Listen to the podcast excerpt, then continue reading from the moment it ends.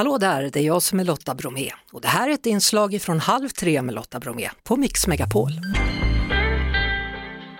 Hörrni, det är mycket snack om gängkriminalitet i Sverige och man träffar mammor på stan, man träffar gråtande mammor, man pratar med mammor som saknar sina barn och så vidare och så vidare. Men det är någonting som saknas, det tyckte i alla fall Beata Hansson och Vesna Prekopic. Välkomna hit! Tack, tackar. Vad var det ni saknade? Ja, vi, vi hade ju också märkt att det var ett väldigt stort engagemang bland många mammor som, som vi är rätt imponerade av, att mammor verkligen syns och, och hörs och engagerar sig. Men det blir ju lite haltande när, när vi till slut hörde någon reporter fråga en mamma, men var är papperna? Och mamman sa lite i förbifarten nästan att ja, de sörjer väl på sitt sätt och så var det slut på det ämnet. Och där ville vi ta vid. Mm. Och då kände du Vesna att nu går vi ut och letar rätt på några papper. Ja, ungefär så. Eh, vi tänkte att det, det saknas pappors röster och vi ville inte göra något annat än att lyssna till dem. Det här skulle inte bli en, vi bestämde oss för att det skulle bli en bok, så tänkte vi inte att det skulle bli en granskning eller ett grävreportage, utan vi ville samla så många pappor som möjligt av eh, ja, olika åldrar, med olika bakgrund men som hade det här gemensamt, att de hade någon typ av koppling till våld. En del pappor har ju fått sina, sina barn eh, mördade, andra har inte det, men själva levt i våld och kriminalitet och sen valt att gå en egen, en annan väg i, mm. i vuxen ålder. Och då kom boken till då, Papporna, Sönerna, Våldet. Eh, Peter Wahlberg är en av dem som ni har träffat i den här boken. Välkommen hit Peter! Tack! Ja du, hur var det att de tog kontakt med dig? Vad kände du? Ja, det var väl, ja, man kände ju, ja vad ska jag säga liksom, men ja, det, det gick, eh, de intervjuade mig och sånt där. Eh, min son gick ju bort 16 december då. Förra året? Ja, förra året, mm. ja. Och eh, begravdes den 20 januari på sin födelsedag. Han skulle fylla 37, skulle han fylla. Vad var det som hade hänt?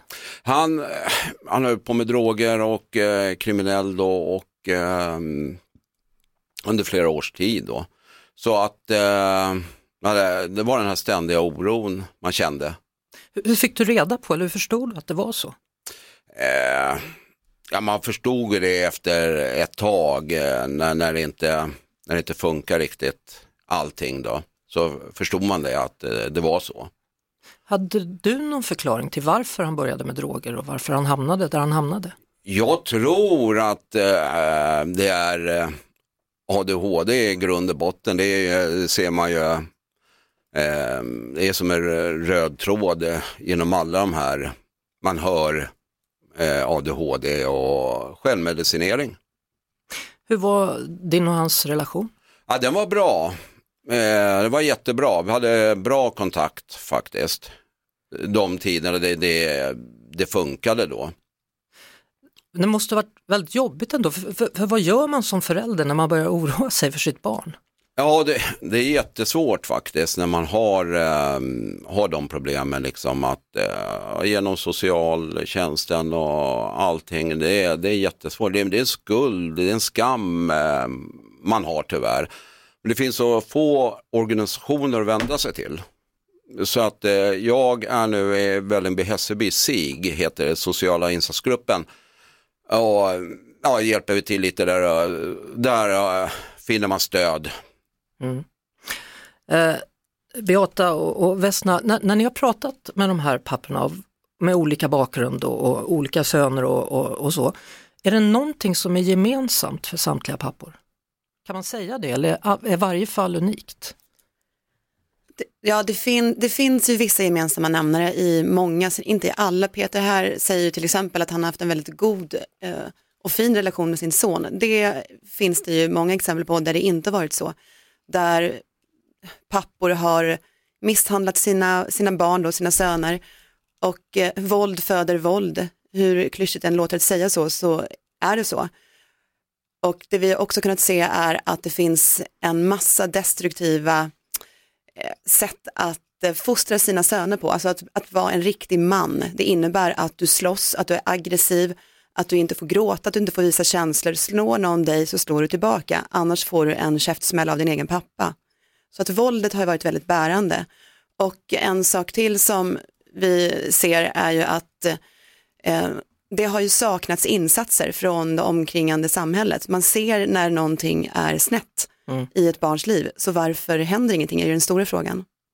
Jag tänkte så här, jag, läste lite om era funderingar. Det är ju lätt att man får, när man lyssnar på debatter och så vidare och, och, och, läser om gängkriminalitet, att det är de gängkriminella som liksom lockar in barnen eller ungdomarna eller andra människor i, i sina gäng och så vidare.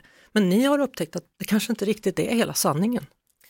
Nej, ofta, ofta är det ju barn på jakt efter någon typ av trygghet eller någon slags manlig förebild så att eh, de behöver inte lockas med så mycket för att, eh, för att känna sug efter att få ett beskydd av de stora grabbarna.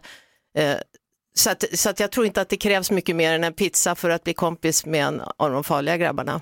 Så, så det, det, kan också vara en, en status då att gå med i de här gängen? Ja, absolut. En status och en trygghet för, för, dem, för de klarar sig inte själva här ute. Peter, vad, vad, vad, vad, tänkte du? Vad har du tänkt? Liksom? Vad önskar du att du hade gjort annorlunda? Um, ja, få, få hjälp eh, först och främst. Eh, det, det, det är väl liksom det primära i det hela, att få hjälp överhuvudtaget. Liksom. Fråga hur, hur man mår och sånt här. Det här fick man ju liksom, det är ju skuld och skam och sånt här, visst är det det. Men att man får någonstans och man får hjälp, det är det. Mm. Uh, jag förstår att det, det, var fruktansvärt att förlora mm. sin son, sitt barn. Ja, det var det värsta jag varit med om. Ja. Fanns det någonstans, det här låter ju inte klokt, men fanns det någonting som var, nu kanske han inte behöver lida i det här skiten längre? Mm, lite så kände man ju faktiskt. Det, det gjorde man. Det är väl en förbjuden tanke på ett sätt? Ja, vi, visst är det det. Mm. det. När jag var som lugnast, det var ju när han satt häktad. Eller satt eh, inne då. Eh, då. Då kände jag trygghet. För då kunde det inte hända något? Nej, då visste man var han var. Mm. Och sånt. När du fick beskedet då? Mm. Att han var död? Mm. Var han skjuten eller var det en nej, överdos? Nej, utan eller?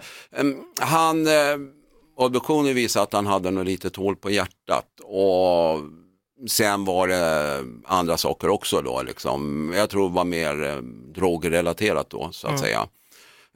Um, Förstod du då med en gång när någon nej, kom hem till dig och sa att... Nej, nej, utan de uh, åkte till uh, min sons mamma, polisen då, och sa att han var död då. och hon ringer mig och eh, jag står och lagar mat och eh, då säger hon ah, han är död. Och då eh, första tanken, liksom, ah, men jag står och lagar mat, jag kan inte eh, ta det nu, jag ringer det sen. Ja. Och sen eh, när jag lagt på då, då fattar du. Då förstod jag. Mm. Hur är det då, är det bara ett bottenlöst djup? Ja, nästan. Eller? Det, nej, det, var, det var hemskt alltså, det var usch. Mm.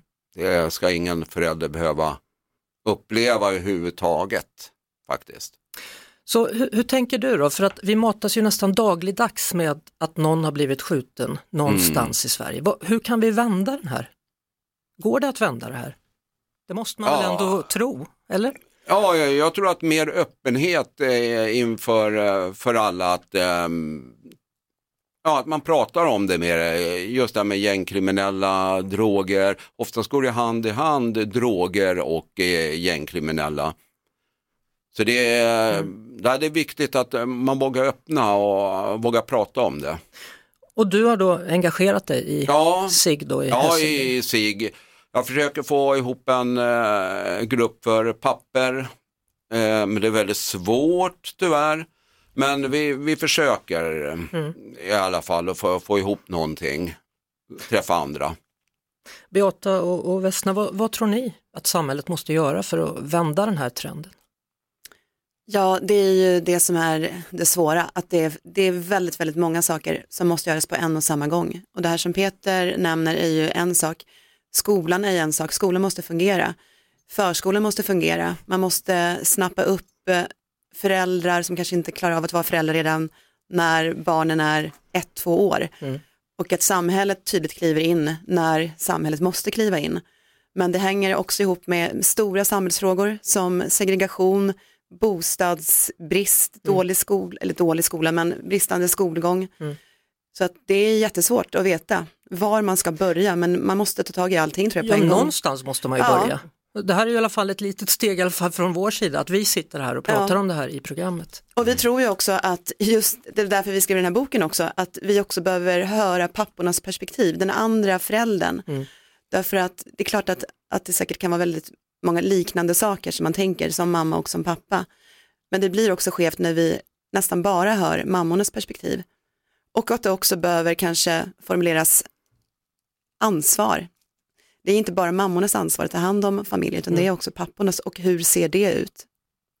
Fast med en sak som du sa Peter, du sa det var ingen som frågade hur man mådde. Nej, nej, nej det, det, det var Alltså- inte. Man, eh, ja, man fick eh, må som man mådde, så att säga. Mm. Med facit i hand så måste man ju liksom se, man måste få hjälp och prata om det. Mm. Det är ju det som är så viktigt. Hur känner du idag då? Det är snart årsdagen nu då. Ja, det är snart årsdagen. Eh, jag engagerat mig här nu, eller försöker i sig där så mycket som möjligt. Det är därför jag ställer upp så mycket också, eh, att prata om det så att de får ett ansikte och kunna se att ja, det är inte så farligt. Nej. Nej. Och papper Så här bryr sig är det. också. Ja, jag är inte den enda utan det är ännu fler som sitter här eh, ute Mm. som är i samma sits. Tack så mycket för att ni kom hit, alla Tackar. tre. Beata Tack, Hansson, tackar. Vesna Prikopic som skrivit boken alltså Papporna, sönerna, våldet. Och tack också du då, Peter Wahlberg. Tack. Det var det. Vi hörs såklart igen på Mix Megapol varje eftermiddag vid halv tre. Ett poddtips från Podplay. I fallen jag aldrig glömmer djupdyker Hasse Aro i arbetet bakom några av Sveriges mest uppseendeväckande brottsutredningar.